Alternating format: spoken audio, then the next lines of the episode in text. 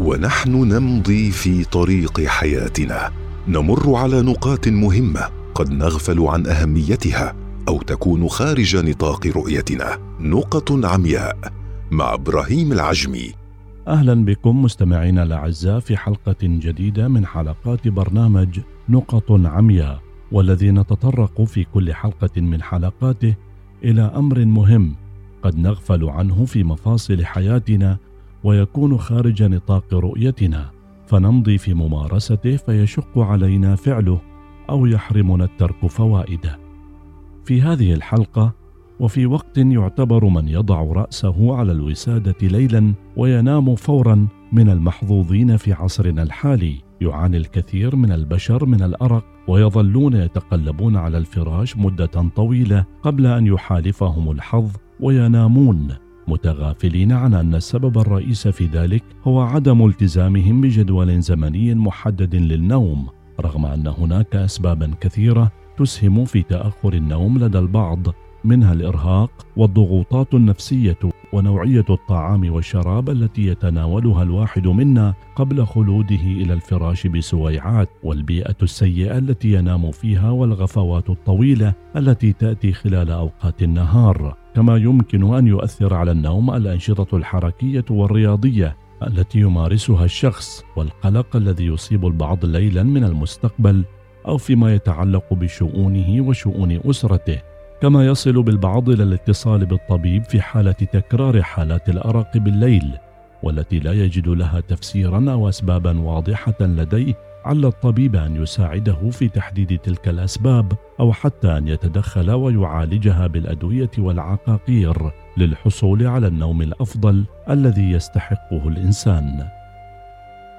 إن ثمان ساعات من النوم العميق كل ليلة ستجعل الكثير من الراشدين يشعرون بالنشاط والاستعداد لليوم، لذا لا بد من ضمان الحصول على تلك الساعات يوميا كي يؤدي النوم دوره في الشعور بالانتعاش منذ اللحظة التي يستيقظ فيها الإنسان، وقد يكون في عصرنا أن أغلبنا لا يستطيع التحكم في العوامل التي تؤثر على نومه، إلا أن المتخصصين يؤكدون أن تبني بعض العادات يمكن أن يشجع على النوم بصورة أفضل.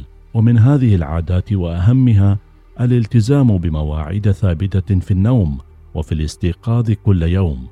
العلماء يكادون يتفقون على أن مدة النوم الموصى بها للشخص البالغ تبلغ سبع ساعات على الأقل ولا تزيد عن ثمان ساعات. ما يجعل وضع جدول لموعد النوم والاستيقاظ أسهل لحساب الساعات التي ستنامها. كما أنهم يؤكدون أن اختلافات مواعيد النوم في ليالي الأسبوع وفي العطلات الأسبوعية يجب الا تزيد عن ساعة واحدة كي يتحقق مبدأ الالتزام بالجدول.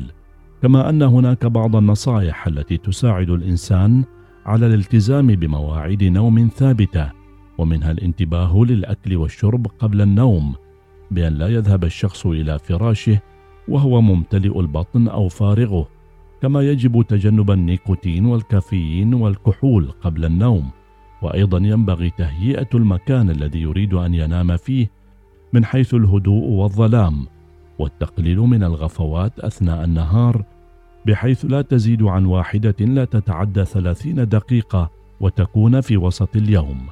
كما عليه أن يمارس الرياضه بشرط أن لا يكون موعدها قريبا من موعد النوم والا يعود نفسه على القلق والتفكير فيما جرى في يومه وسيجري في غده وأن يوفر حالة الاسترخاء لأعصابه وعضلاته كي يحصل بعدها على نوم كامل ومريح وفعال.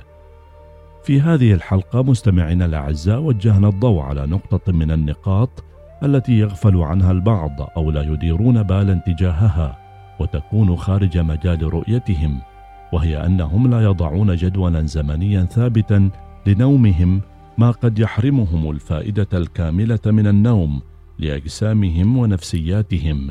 على امل أن نلتقي مع نقطة أخرى من نقط عمياء. إلى اللقاء. نقط عمياء مع إبراهيم العجمي يوميا في الأوقات التالية السابعة وخمسة عشرة دقيقة الثانية عشرة وخمسين دقيقة الثامنة وعشرين دقيقة. نقط عمياء يأتيكم برعاية BMW. استمتع بعروضنا المميزة على جميع السيارات خلال شهر رمضان.